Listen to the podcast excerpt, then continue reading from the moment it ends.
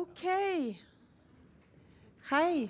Eh, så hyggelig å få lov å være her eh, på God natt eh, Oslo litteraturfestival. Tusen takk til festivalledelsen som har invitert oss hit. Eh, jeg heter Kristina Kjelsberg, og jeg sitter her nå eh, i dag i kraft av at jeg jobber som dramaturg på Dramatikkens hus.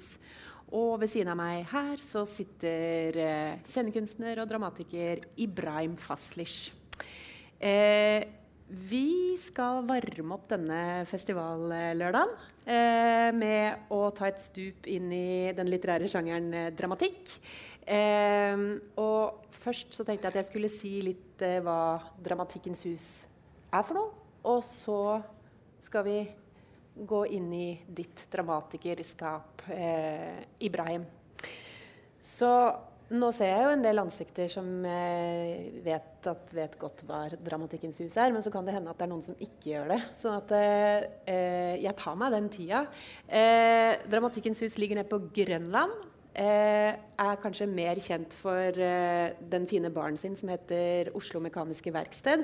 Men de leier altså av oss, og går du inn bak der, så er det et teater med to scenerom, selv om det ikke er et helt eh, vanlig teater. Fordi vi produserer ikke forestillinger. Vi, eller vårt mandat er å utvikle og utforske ny norsk dramatikk. Eh, så det betyr at vi er opptatt av å dyrke det skrivende teatertalentet, kan man si. Og nå kan jo hende at det også sitter noen her som har et manus i skuffen eller en idé til en teaterforestilling som de ikke helt vet hvor de skal gjøre. Og da har jeg et uh, tips. Og det er at dere kan sende det til oss, så blir det i hvert fall lest. Eh, og det går an å søke midler hos oss. Eh, da går, da går, man inn på nettsiden vår, og der vil man finne at det er tre ting man kan søke på. Det ene det er skrivestipend. Eh, det andre det er en dramaturgtildeling. Og det tredje det er verksted. Og skrivestipend er skrivestipend. Da søker man om uh, ut, uh, penger til å utvikle en god idé man har. Uh, og dramaturg, det er da får man en samtalepartner, f.eks. meg, eller en annen man har tiltro til og vil ha med seg som dramaturg, som vil lese underveis og gi tilbakemelding og sånne ting. Og så kan man også søke om verksted. Og det kommer kanskje litt senere i prosessen, eh, når man ønsker å få skuespillere til å lese teksten sin. Eh, kanskje man vil prøve å få skuespillerne til å gå litt med teksten. Det kan jo også hende at denne teksten krever eh, lys, lyd, koreografi. Eh, og da er det altså å jobbe med teksten på gulvet sammen med skuespillere og teatermaskineriet. Så Eh, vi har også en del sånn åpne arbeidsprosesser, sånn at det går an å komme og titte på eh, prosjekter som er under utvikling. Da kan man kjøpe seg en øl i Oslo Mek, eh, rusle inn i scenen og så få servert eh, blodfersk eh, teatertekst. Og de fleste arrangementer hos oss er gratis. Så nå etter pandemien det er bare å ta seg turen. Eh, så gjør vi en ting til, eh, og det er at vi har noe som heter husdramatikerplasser. og Det har vi gjort noen år, og det er et, eh, egentlig et to års arbeidsstipend. Eh, hvor eh, man får tilgang som husdramatiker på husets ressurser. Det vil si dramaturger, eh, teknikere, scenerom, eh, skriveloft å sitte og skrive. og en av våre nåværende husdramatikere, det er deg, Ibrahim. Eh, og nå tenkte jeg at vi snirkler oss over fra eh, Dramatikkens hus og snakker eh, litt med deg, om deg. Kan vi begynne med starten? Kan jeg spørre deg sånn Når var det, eller, eller hva var det, som fikk deg til å begynne å skrive? Jeg har vel alltid egentlig skrevet siden jeg lærte meg å skrive, så har jeg skrevet fordi jeg ville liksom skrive historier altså, ja, når jeg var barn. Men det var ikke før eh, det var vel på videregående eller noe sånt, jeg begynte på videregående på Charlottenlund, eh, på dramalinja der. For jeg var veldig skolelei og tenkte at ja, teater er gøy å drive med, men det er veldig kjedelig å se på. Så eh, for vi liksom på eh, skoletur til Trøndelag Teater, hvor vi fikk også lov til å liksom se litt på teater og sånn. Og det var jo liksom, ja, det var det jeg tenkte at det var gøy å drive med, men ja, det var det det var, liksom. Men så for vi også eh, skole, på skoletur til et eh, lite teaterhus i en kjeller i Trondheim som heter Avantgarden teaterhus. Da var jeg 16 år. Og da fikk vi også lov til å se på noe som ble satt opp der. Og da eh, husker jeg at jeg så en kunstner eh, med kroppen sin stå foran pub hele publikummet alene og formidle verket som eh, vedkommende hadde skrevet da, og utvikla til oss, live for oss, liksom, inni, innenfor sitt konsept. Altså, vi ble også inn, innhylla i det her konseptet. Altså. Og da fant jeg ut at det var det jeg ville drive med. Eh, eh, og siden jeg tror at jeg er litt sånn her kanskje litt uh, utrygg eller litt nervøs av meg, så jeg liker å ha en tekst å lene meg på hvis jeg skal formidle noe, men alltid liksom improvisere over denne teksten. Og etter at jeg så det, så ble jeg liksom um, en fast publikummer der på det teaterhuset hele tida. Og etter hvert så jeg var jo liksom en 16 år gammel gotergutt med lilla hår. liksom, Så var jeg bare sånn, veldig sånn awkwardly sitte i et hjørne og drikke en cola fordi jeg får ikke lov til å bestille øl. ikke sant? Og så Teatersjefen la merke til denne eh, tenåringen som ble alltid igjen litt lengre. Fordi jeg bodde utafor Trondheim, så jeg måtte vente på bussen som gikk sånn en gang annenhver time. ikke sant? Uh, så jeg ble sittende da i det der teateret mens alle sammen hang rundt. Og, og, var, og så var jeg liksom ofte før forestilling, for da kom de rett etter skolen. Og så ble jeg sittende igjen etterpå. Og teatersjefen var der alltid og liksom um, jobba publikummet sitt. da. Han var veldig opptatt av å liksom lounge med publikummet og snakke om forestillingene for å, sikkert for å få folk til å føle seg velkommen. Og etter hvert så begynte han å invitere meg over til bordet hans med de andre kunstnerne. Og da var da jeg også begynte å liksom sette opp med sånn ungdomsstipenda-forestillinger og sånn her, uh, fra jeg var 16 år. Um, og sendte han en e-post hver gang om å få komme inn da, og, og, presentere noe. Så seks år senere eller åtte år senere hadde jeg min første forestilling der. Ja. Det var sånn jeg på en måte begynte å skrive. Mm. Ja. For scenen spesifikt. Ja. Mm. Herlig. Det, og da eh, og, og, sjangeren eh, dramatikk Du er utdanna skuespiller på Hint. Ja. Mm. Eh, jeg tenker jo i hvert fall at altså, Som dramaturg så leser jeg jo mye dramatikk. Og jeg vil vel ærlig innrømme at jeg syns det er litt vanskeligere å lese dramatikk enn f.eks. en roman eller en novelle. eller sånne ting. Det krever litt mer enn meg. Og um, må lese det høyt noen ganger og sånn for å komme bak det på en måte. Og hvis vi beveger oss helt tilbake til antikken og trekker Aristoteles opp av hatten, eh, så, så snakka jo han om at eh, drama er handling. Eh, eller praksis. Og det skal skje her og nå, foran våre øyne. Og dette syns jeg du tar veldig på alvor. Du har allerede sagt at det var det skjedde her og nå, det som på en måte vekket deg litt. fordi når det gjelder det interaktive og møtet med publikum, så mener jeg at du står i en særstilling som dramatiker. For det er du veldig opptatt av. Kan, ja. du, kan du, si noe om, mer om det?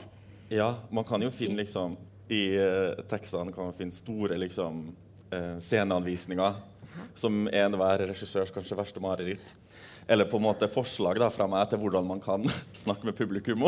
ja. uh, men det er, det er, jo det som er viktig. på en måte, fordi Hvis man skal reprodusere denne ene teksten kveld etter kveld uten å ta inn over seg hvem som sitter der, eller sånn, hvordan den påvirker deg, fordi det er jo faktisk det som er hele teatersituasjonen. At folk kommer de kommer og gir deg tida si og litt av pengene sine til teatret. Mm uh, og fordi de vil, de vil ha noe, eller man har liksom forberedt noe man vil gjerne formidle til dem. Eh, og det, det, her, det, er liksom det at vi er, sitter her sammen. på en måte. Jeg, jeg skjønner ikke hvorfor, jeg, jeg, har ikke lyst til å liksom ignorere det. Det er jo en veldig stor mulighet. Fordi teater handler jo om folk. ikke sant? Om meg og deg og hvordan vi møtes. Og, eh, og hvis jeg har lyst til å formidle noe i det her møtet, så er det på en måte en, Jeg lager et konsept og en tekst innenfor det konseptet som, som jeg møter dere i. da eller en annen skuespiller møter dere i. Ja. Så det er veldig viktig. Og som et demokratisk og sosialt rom da, er teater veldig Det har et veldig fint potensial sånn. da. Og spesielt artig er det liksom i Norge, fordi vi har en veldig sånn sosialt utilpass kultur. Hvis dere er enig i det. jeg vet ikke. Men ja, dere flirer, så kanskje dere er enige. Det er Ja. Jeg, liker veldig Eller sånn Da er det ekstra gøy kanskje å leke med det. Til forskjell for Bosnia, hvor jeg har min bakgrunn fra, hvor det kanskje kunne ha Folk ville ikke ha spilt så med, da, eller man ville kanskje fått mer motstand, eller ja, kanskje litt større. Ja, Så det er veldig gøy, da. Mm.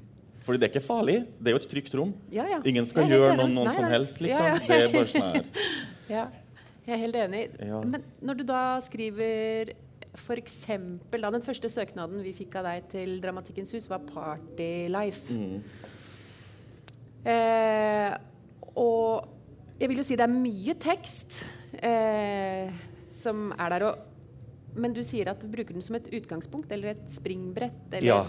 Det er, teksten er der, Ja. og jeg kan gangen i den. eh, og, og kan også hva som står der, men på en måte når jeg er på scenen og møter da, dere eller publikum, så, så eh, foregår det en improvisasjon oppå den teksten. Jeg vet hva jeg skal innom og hva jeg skal gjøre, men det er liksom det er her og nå som er det viktige. da. Ja. Uten at jeg forelsker meg i meg sjøl og forelsker meg i oppmerksomheten. At jeg liksom tar, tar med teksten til helvete og tilbake. liksom. Ja. Jeg holder meg liksom til ja. Så det er en improvisasjon som foregår oppå liksom, en grunnmur, da, hvis manuset er liksom en sterk grunnmur. Så kan man bygge uh, vårt møte oppå den. Ja. ja. Men da er det jo sånn at du har skrevet eh, en del tekster til deg selv, kan vi si det sånn? Mm. Og hvordan ville det være er, det, er, du, er du da litt sånn protektiv på teksten din, eller kan du tørre å gi den fra deg til noen andre også? Jeg kan tørre å gi den fra meg til noen andre. Men uh, ja, nå har vi jo gjort det for første Eller ikke for første gang, men liksom Ja, vi har gjort det nå. Ja. Til en tekst som egentlig er tenkt til meg selv. Eh, og jeg kjenner at jeg liksom Ja, det sitter litt langt inne, egentlig. Ja. Ikke fordi jeg er grådig, men fordi uh, Jeg vet ikke hvorfor. Jeg blir bare sånn her Ja, jeg vet ikke. For når du skriver, så tenker du eller ser du veldig for deg Ja, hvordan ja, ja, det skal gjøres. Ja, derav Ja. de her uh, sceneanvisningene, liksom. Som er, ja. Men blir det da, hvis du skal gi den til noen andre, så blir du sånn eh, Nei, nei, du skal gjøre det mer sånn, eller du skal Er det Jeg kan bli litt sånn, ja. Ja. ja det er sikkert litt irriterende. Men uh, ja, jeg tror kanskje det er lurere at noen andre bare liksom tar den og bare gjør sin. Fordi ja, det er, teater er jo liksom Sånn som man snakker om en sosialt og demokratisk rom, så er det også en sosial og demokratisk prosess. Det er jo en kunstform som er ment å lage sammen. Det er folk som er viktig, liksom samtalen og møtet mellom oss, også i prosessen og møtet med teksten. og alt sånt her. Så det er jo liksom det er jo bare noe jeg må legge fra meg. fordi hvis det er noen som har lyst på teksten, så er jo det bare veldig bra. Og så kan de liksom putte sine ting oppå der og liksom inni der. Og, ja. Men vil du si at det var teksten eller skuespillet som kom først for deg? Ettersom du er utdanna skuespiller. Teksten. Teksten, ja. Teksten. Teksten først, ja. Mm. Kan du, og så er du nå husdramatiker på Dramatikkens hus. Kan du bare Ja. si liksom, hvordan, hvordan eh, kom du dit? For etter hint Ja. Etter Også- hint så uh, Jeg hadde jo hele tida det her målet om å komme liksom på de her scenene av Avantgarden. Og etter hvert den som er liksom søsterteatret til deg i Oslo her, som heter Black Box eh, på Løkka. og, og Teatergarasjen i Bergen. Um, så det var det som var liksom utgangspunktet. Det var jo derfor jeg gikk på hint. Eh, eh, egentlig så, eller sånn, Mange tenker at det ville vært naturlig for meg å gå på Akademiet i Fredrikstad, som er liksom mer sånn i tråd med det type uttrykk. Men eh, ja, klassen min skulle til Berlin, og jeg ville gjerne være med der. Og så hadde allerede kommet inn på hint, så var det sånn her, ja, men jeg, jeg går der, liksom. Det var jo veldig bra, det òg. Eh, hva var spørsmålet? Jo, hva jeg gjorde, hvorfor jeg Nei, hva var spørsmålet? ja, nei, jeg tenkte på, altså, Hvordan kom du deg inn i Eller hva gjorde at du oppsøkte Dramatikkens hus? Hvordan ble du husdramatiker? Eller hva var reisen din? Jo, Det var jo det fordi jeg ville lage mine egne stykker. Og alt sånt der, og så uh, snakka jeg med en kunstner eller sendte ned på en kunstner som heter Lisa Lie. Eh, som jeg hadde liksom kontakt med. Og så plutselig fikk jeg eh, en link til liksom Hei, eh, de har et program her på Dramatikkens hus hvor man kan liksom søke seg inn som husdramatiker. Jeg hadde aldri hørt om det huset. Aldri. Hei. Så, eh, så eh, Da var jeg bare sånn Hæ, herregud? Og så søkte jeg på det, og så fikk jeg det ikke. Og så så jeg at man kunne også få liksom, stipender og skrivestipender, og sånn, og da fikk jeg liksom støtte til det første stykket. Så det var sånn jeg hørte om Dramatikkens hus. Ja. Ja. Gjennom en annen kunstner som liksom var sånn her eh, Du skriver kanskje det her kunne ha vært noe for deg. Og hvis du liksom skulle si, som vi snakka om sånn, hvordan eh, For det er jo ulike Jeg vil si kanskje fortsatt at det bildet man har av en dramatiker, er en som sitter ganske stille alene og skriver. Mm. Eh, det ledende spørsmål, identifiserer du deg med det? Til en viss grad. Til en viss grad. Jeg liker jo, eller sånn Selv om teater er en kollektiv prosess, så har jeg jo valgt en av de mest ensomme geskjeftene i det.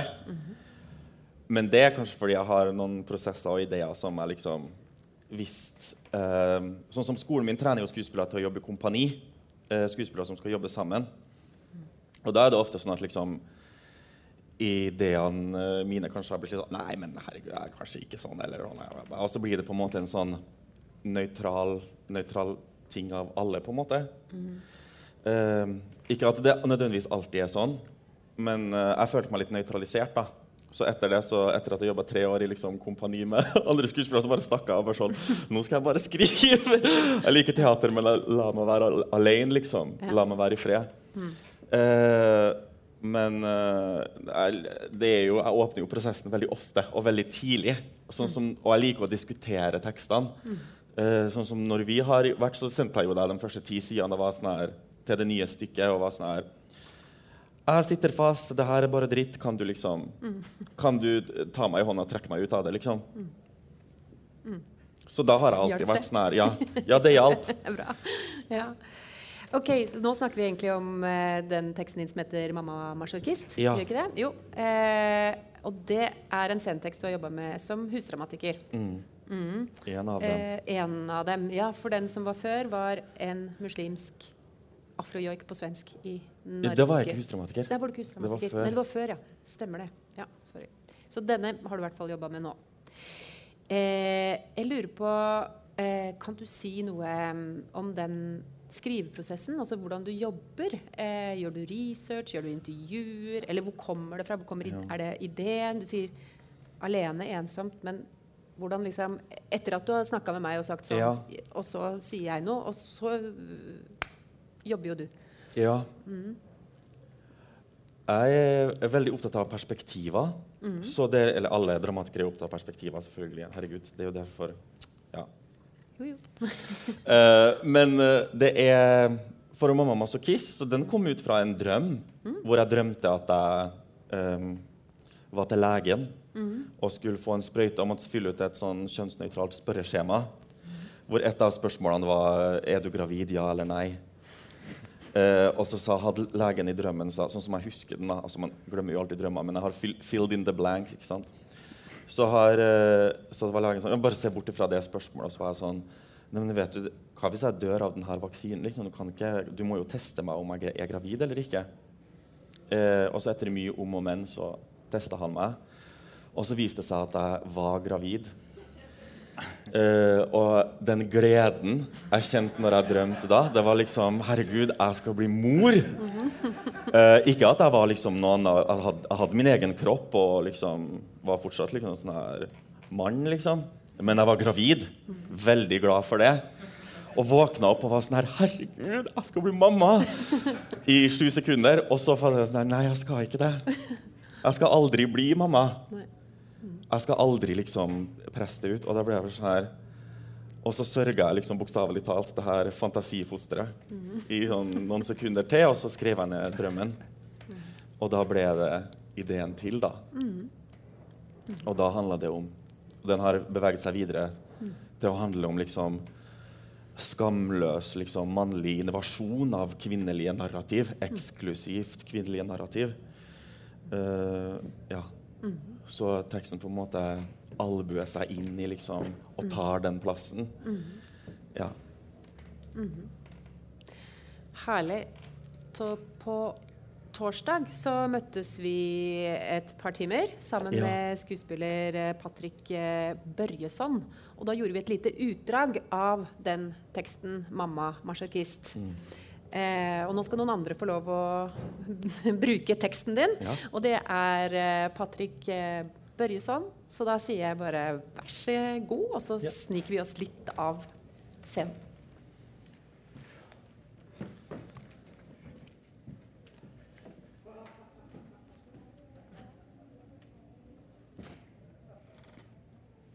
Jeg eh, vil at dere skal vite at dere har verdi som eh, mennesker. Ja. Du tror kanskje at du har mislykkes i livet ditt, eller at du ikke har fått det helt til. Men det er svært viktig for meg å fortelle deg at du har verdi. At du er viktig. At du allerede har lykkes. Du er bra nok sånn som du er. Forstår du det? Gjør du det?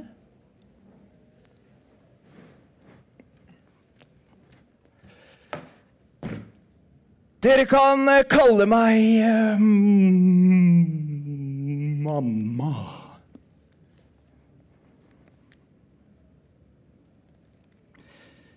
Jeg vil forsøke å, å forstå hvem dere er. Som individer hva dere tenker på, hva dere føler, hva dere gjør i livene deres. Skjønner dere det? At jeg bare prøver å forstå dere. Er dere trygge her med meg? Skjønner dere det?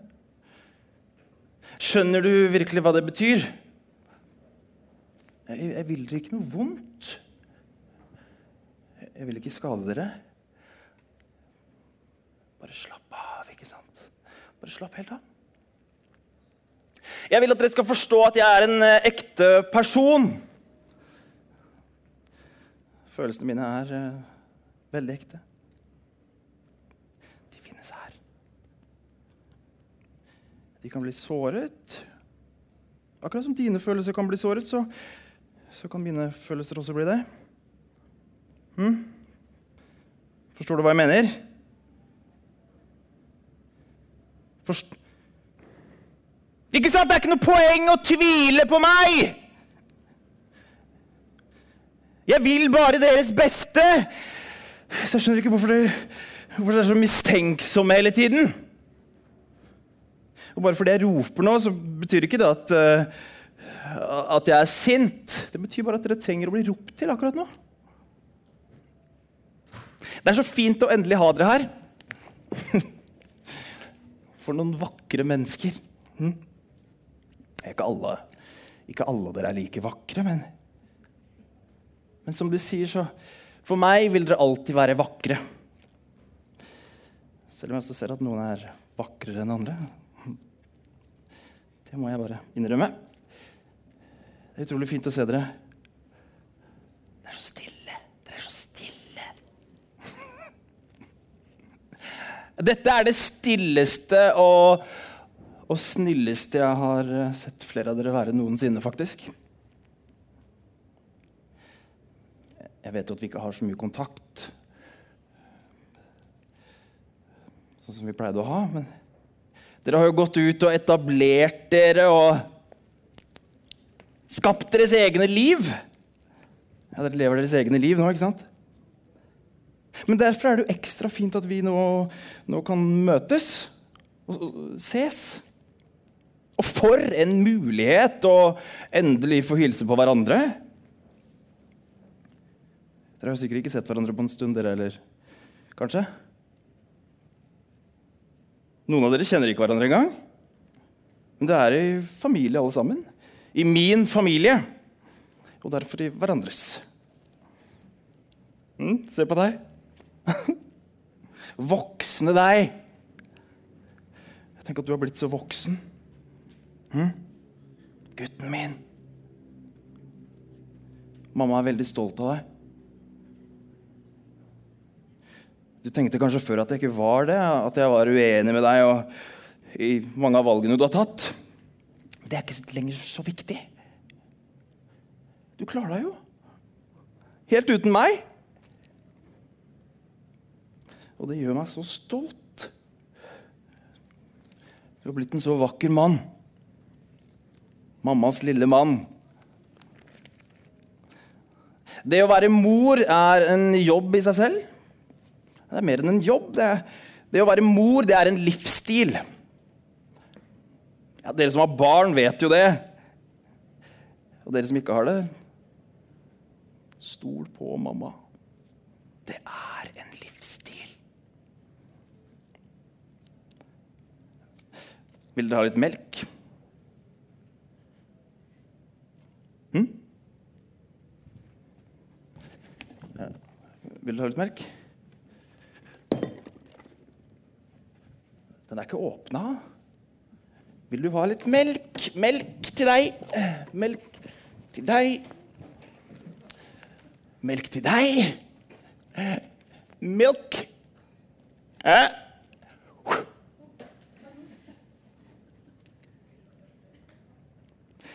Det er veldig sunt for kroppene deres. Mm. Jeg syns det er så rart det der med å, med å, drikke melk. Man tenker ikke over hvor det, hvor det kommer fra. Vet dere hvor melken kommer fra? Ja, hvor kommer melken fra? Hm?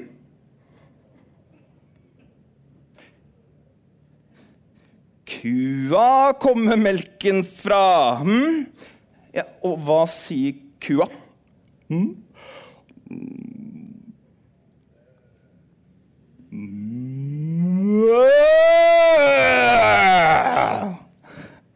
Ja, det er helt riktig.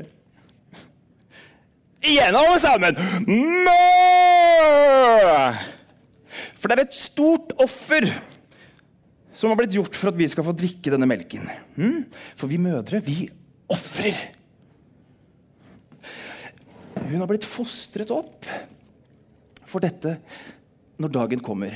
Fostret opp for akkurat denne dagen. Denne dagen når hun eh, for første gang blir inseminert med den ferskt ekstraherte sæden til den vakreste og sterkeste oksen. Ja, det er veldig viktig at det er den vakreste og sterkeste, ja, selv om du ikke får velge den selv. Og når man blir medisinsk inseminert Altså Når man medisinsk inseminerer en kvinne som ikke har fertilitetsproblemer, så er det selvsagt at hun blir gravid.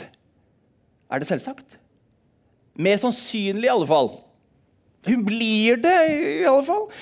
En gravid jomfru. Og det er ikke seg selv hun er uh, gravid for.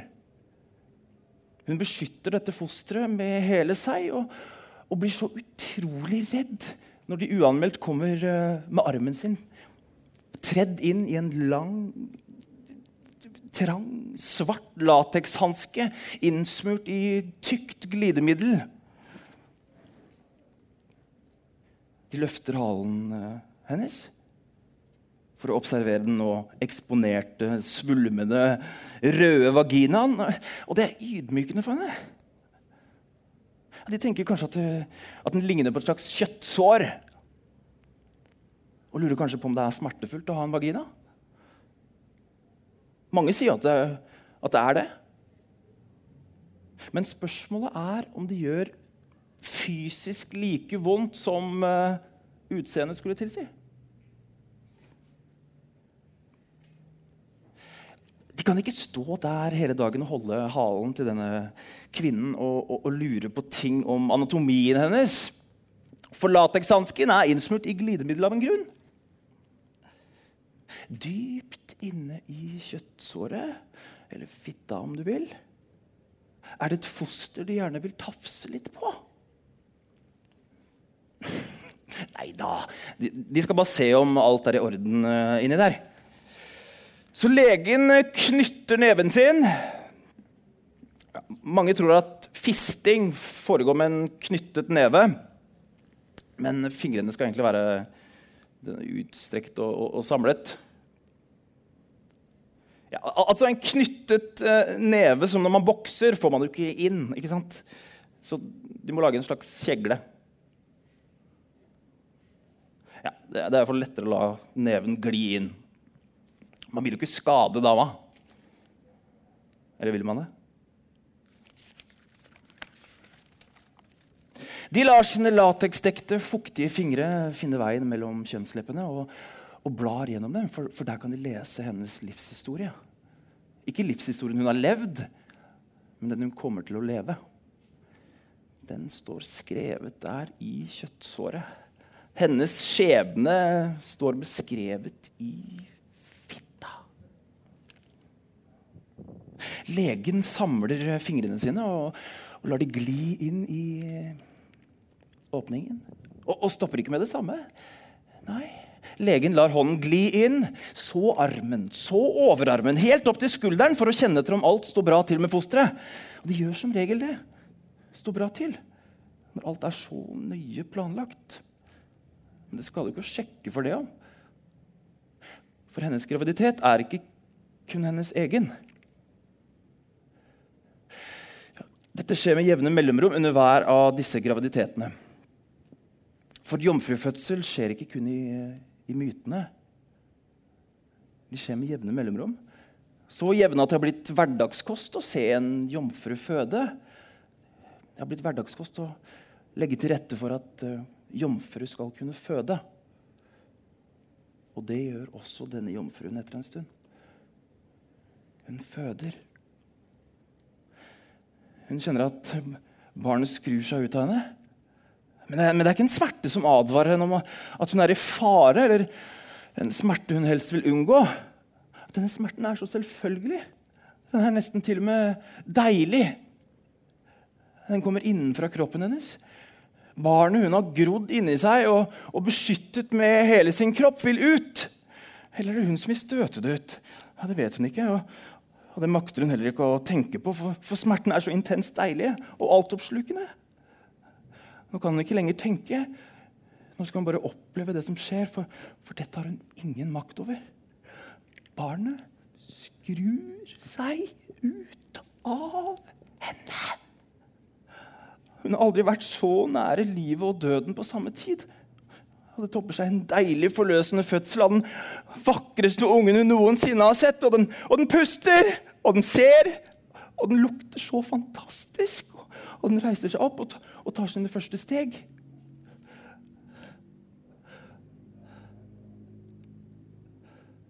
Opp mot kjertelknuten som pulserer i livsgivende ren melk, som både er tykk og gul og fett av næring. Den nybakte jomfrumoren er så utmattet og lykkelig på samme tid for endelig å få møte dette barnet som hun føler hun allerede har kjent i hele sitt liv.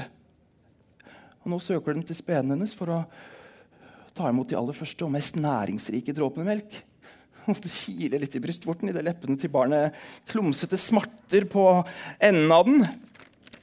For den har enda ikke begynt å drikke når bonden kommer og, drar dette nyfødte barnet hennes vekk. Og hun hyler. Hun kan ikke kontrollere det, men hun skriker. 'Ikke ta barnet mitt! Nei, den er sulten! La den spise! La den drikke meg!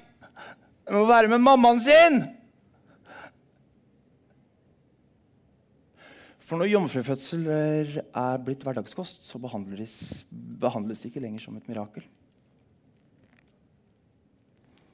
Brystene hennes er gråtkvalte av råmelk som skulle gi barnet en konsentrert, hypernæringsrik munnfull av immunsystem, vitaminer og fett. Hun er skapt for å gi liv og, og vil så gjerne gi fra seg denne melken. så når hun blir koblet opp til en maskin som melker henne for disse edle, første, mest næringsrike og livsbeskyttende dråpene, så er det deilig. Men, men barnet er borte. Det er ikke det som har fått dråpene. Det er oss!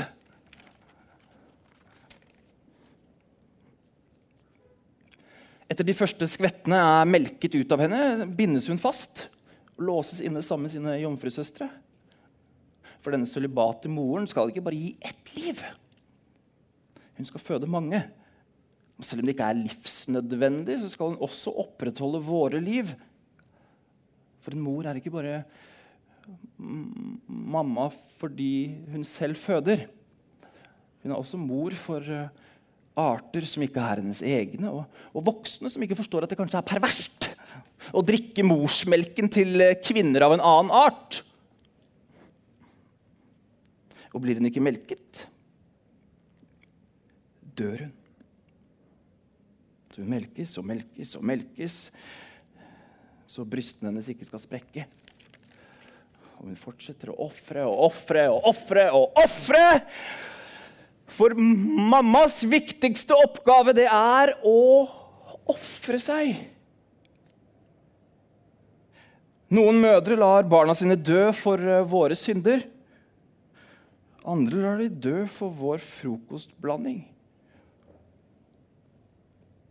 Men det er egentlig ikke noe forskjell, for deres offer er ikke deres eget. Ofringen skjer på, på vegne av moren. For mamma kan ikke ofre sine barn frivillig. Det er det som er så vakkert med å være mor. Mamma kan ikke skade deg frivillig.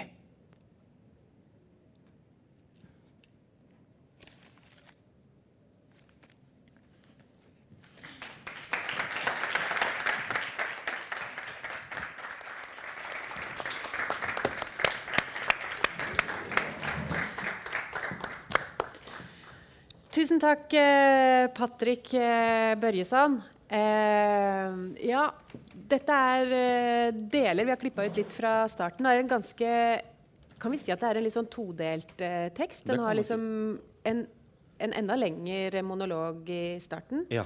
Og så går det over i eh, mer dialog. ja. Vil du si noe om Fordelinga? Eh, ja, eller, Eller hva som eh. Ja, eller hva Ja. Eh, den første liksom timen, kanskje, kan vi si at det blir cirka, av forestillinga, er den her eh, mannlige invasjonen av det her liksom mamma, mammafortellinga og liksom mammaopplevelsene. sånn, og Der var det veldig viktig for meg å egentlig skrive det uten å snakke med noen om morskap før. Bare for liksom, Det skulle bare være en sånn her påstand og en sånn Ja. Eh, tanke eller mm. Og så eh, mens eh, en skuespiller, en kvinnelig skuespiller er på scenen også, bundet Eller hun er der i alle fall, til stede.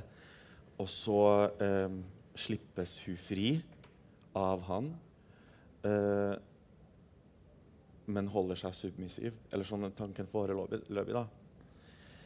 Og så begynner dialogen og forhandlinga mellom dem to. Ja. Og da er det mer en sånn Vi sitter tilbake og observerer og opplever, på en måte. Ja. mm, Som publikum. ja. Så det blir også en todelt opplevelse for publikum. Så den første her, som vi også den er, vel, den er og kan være veldig Der kan teksten være også, som du kaller det, veldig porøs. Porøs tekst, ja. Det, der er teksten veldig porøs. Det er jo veldig lang tekst som er på en måte ment at man skal ta inn over seg den situasjonen man befinner seg i. da. Mm. Liksom, Barna mine kommer og ser på meg liksom, og møter meg igjen. Jeg gir dem melk. Liksom. For det er settingen. Det er settingen, ja. Og så kommer denne kvinnelige karakteren på banen. Mm. Og da er ikke det settingen lenger. Ok. Og her, denne forestillingen her Coming to theater near you soon. Nei, når, ja, hva skjer videre med Mamma Masjorkist? Det er ikke helt eh, sikkert enda. Ok. Men, eh, eller det er ikke helt hugga i stein, men uh, den kommer I pergament? Ja, i pergament. Ikke i stein. Mm. Men den er i Oslo ja, snart. Forhåpentligvis i juni neste år. Ja, Mm. så blir det premiere. Ja. Gleder meg. Eh, og når vi da snakker om eh, porøs tekst og det å improvisere og, og sånn, så er det eh, under pandemien så vet jeg at du også har hatt et samarbeid med en annen kunstner og dramatiker, Ja. eh, nemlig Kate Pendry, eh, hvor på mange måter deres alter egoer har møtt hverandre på scenen. Kan du fortelle litt om det? ja. Ja. Uh, jeg og eh, Kate har uh, Vi har fått liksom et vennskap uh, som er veldig fint. som er veldig kjærlig. Og så har vi også liksom uh, utveksla proft, eller sånn, ja, faglig. Og denne utvekslinga har blitt egentlig en sånn her, vi kaller det en co-mentorship. Som er på en måte vi gir hverandre råd og vi viser hverandre hva vi holder på med, og liksom hjelper hverandre gjennom, gjennom en ganske turbulent kan være en ganske turbulent liksom, tilværelse som kunstner og som scenekunstner. Og, så, liksom, og en ganske ensom, ensom geskjeft som liksom, selvstendig skapende scenekunstnere som ofte jobber kanskje solo. Eh, så vi har bare funnet hverandre eh, og har en utveksling. Og i pandemien så skulle jeg egentlig presentere en forestilling oppe i Tromsø. Eh, men da det ble avlyst, så ville de ha den forestillinga digitalt. Men det fungerer ikke. Så da inviterte jeg min eh, kjære partner til å liksom være med å lage en helt ny forestilling tilpassa situasjonen og tilpassa formatet. Ja. Og det var alter egoene deres? Det var, ja, da møttes liksom en karakter som hun har jobba lenge med, og også en karakter som jeg hadde i Partlife, som liksom gjør også litt andre ting. Ja. Møttes og skapte denne forestillinga. da. Ja. Så det var en forhandling mellom eller den prosessen var både en forhandling mellom karakterene våre, men også en forhandling mellom oss og alle fire liksom sammen, på en måte, sånn som jeg forsto det. Ja. Og det var John, da Johnny Johnson? Johnny Johnson og The Boy het forestillinga. Ja. Ja. Og den ble digital? Den ble digital. Eh, da var vi på Vega scene i et helt tomt rom og med et lite kamerastativ. Og, ja. Vi laga det på sånn tre uker. liksom. En times forestilling. det var ganske sånn. Der var det også improvisasjon. Om porøst og liksom, ja. Der handla det om møtet mellom oss. da. Møtet mellom oss og kamera og på en måte et publikum som vi ikke får helt kontakt med, som er liksom langt der ute et eller annet sted. Vi har ingen kontroll over dem, ingenting. Så vi liksom er på en måte der i sånn en liten linse som vi liksom ikke kan gå igjennom i det hele tatt. Så det var ganske sånn rart å, å være i det. Og liksom Ja, OK. Det var en helt sånn tom, stor teatersal, liksom. Som fungerte veldig godt, kan jeg si helt eh, eh, Fordi det er jo vanskelig å drive og filme teater. eller alle, er, Jeg har jo prøvd å se Det en del av disse digitale sånn? digitale Nei, ikke sånn. Jeg heller ikke syns det. Men denne syns jeg funka veldig godt, nettopp fordi dere brukte som Ja. du sier, det kamera. Mm. Det var veldig spennende. OK. Men eh, også må vi også nå Ja, nettopp. Eh, få høre litt av Hvilke prosjekter er det du holder på med nå? Nå er det jo Mammaskiss som er så godt som ferdig. Det er bare litt mer sånn fikling og triksing og sånn. eh, og så eh, jobber jeg med en installasjon som skal opp på Kunsthall Trondheim. I en gruppeutstilling som heter Sex Ecologies. Eh, hvor de bare plutselig liksom inviterte meg til å ut, stille ut der, selv om jeg ikke er noen billedkunstner. For det er egentlig for billedkunstnere. Ja, men det er et lydverk, da. Det blir en slags sånn multilog av uh, ja, forskjellige eh, sånn, ja, En Unity-stemme da, som vil deg noe. Eh, så det jobber jeg med. Og så er det en, et, nytt, et helt nytt verk med my mye mer Der går jeg liksom ut ifra den her ensomme dramatikeren og, og, og går liksom i en sånn kollektiv prosess med en, en slags sånn natteslang dødsmeditasjon. da. Uh, ja, hvor jeg skal jobbe mer med skuespillere. Vi skal jo ha noen verksted på det på Dramatikkens hus også. Som er en science fiction uh, science fiction-forestilling. da. Eller en science fiction-rituale, på en måte. Ja. Men ganske to ulike prosjekt. Det ene er jo da en tekst som er ganske ferdig, men som du får på øret i Ja. en installasjon. Mm. Tenker du at det er interaktive elementer i det? Det er jo veldig tydelig hva, hva den stemmen eller de stemmen, vil deg. da. Ja. De vil på en måte, de har en veldig, veldig tydelig intensjon på det. Uh, og det interaktive der er at man liksom går inn og velger å ta dem på seg, og har dem på seg så lenge man liksom samtykker eh, til den stemmen. Og så Ja, det er vel det. Men det, det er vel ikke så det er på en måte ikke, Man kan liksom ikke interagere med den. Nei. Mm. Det er mer Man må bare være stille og ta imot, liksom. Med det sensoriske Ja. som vil være mm. Ja. Herlig. Og det andre Vil du si hva det heter? Rekviem. Rekviem, ja. Rekviem. Det er mer eh, som et stort Ja, jeg, jeg vil ha det i et gallerirom, liksom. Og så kommer man der og får tilbringe en natt i det gallerirommet hvor på en måte det kommer sånne skuespillere som er kyborger, da, eller cyborgs, som er eh, som, Altså, scenarioet Skal jeg forklare? Er dere sliten? Tåler dere det? Ja, ok. Eh, det er at menneskeheten skal ende. Vi vet akkurat tidspunktet det skal ende. Eh, så vi har gravd opp lik og putta teknologi i dem for å gjenopplive dem og instruert dem til liksom, hva de skal gjøre. da. Og da skal de lage en, eh, et begravelsesritual for de folkene som er så heldige å få lov til å komme til det galleriet. da. Gjennom en natt hvor uh, kyborgene liksom passer på deg, og kanskje de forteller litt historier fra sine egne liv. Det blir jo en slags sånn refleksjon over menneskeheten, nesten. Ja, hvor vi også tar tilbake liksom, gamle verk og musikk fra gamle dager. og liksom Et sånn retrospekt av humanity, på en måte. Ja, hva er det vi husker når alt Når- er ende, liksom? Når alt har eh, Ja, en slutt. er det Bill Gates? Nei. Nei. Det er liksom Ja. Når enden er her. Jeg Ja. ser at vi er også kommet til eh, veis ende her. Eh, det var eh, veldig hyggelig å ha dere her.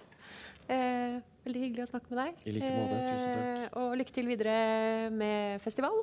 God natt, Oslo. Takk Ja. for at dere Så kom. takk Kanskje for at dere noen kom. som har spørsmål? Eller? Ja, vi, ja det Hvis kan vi vil. også. Vi har tre minutter til, tror jeg. Ja. Nei? Okay. Nei. Men vi kan slenge igjen vi kan du, du kan henge igjen litt sånn, litt sånn her Ja. nå. Ja, så går det an å Uten mikrofon og sånn, så er det lettere å Absolutt. snakke, kanskje. Vi var ikke så mange. OK.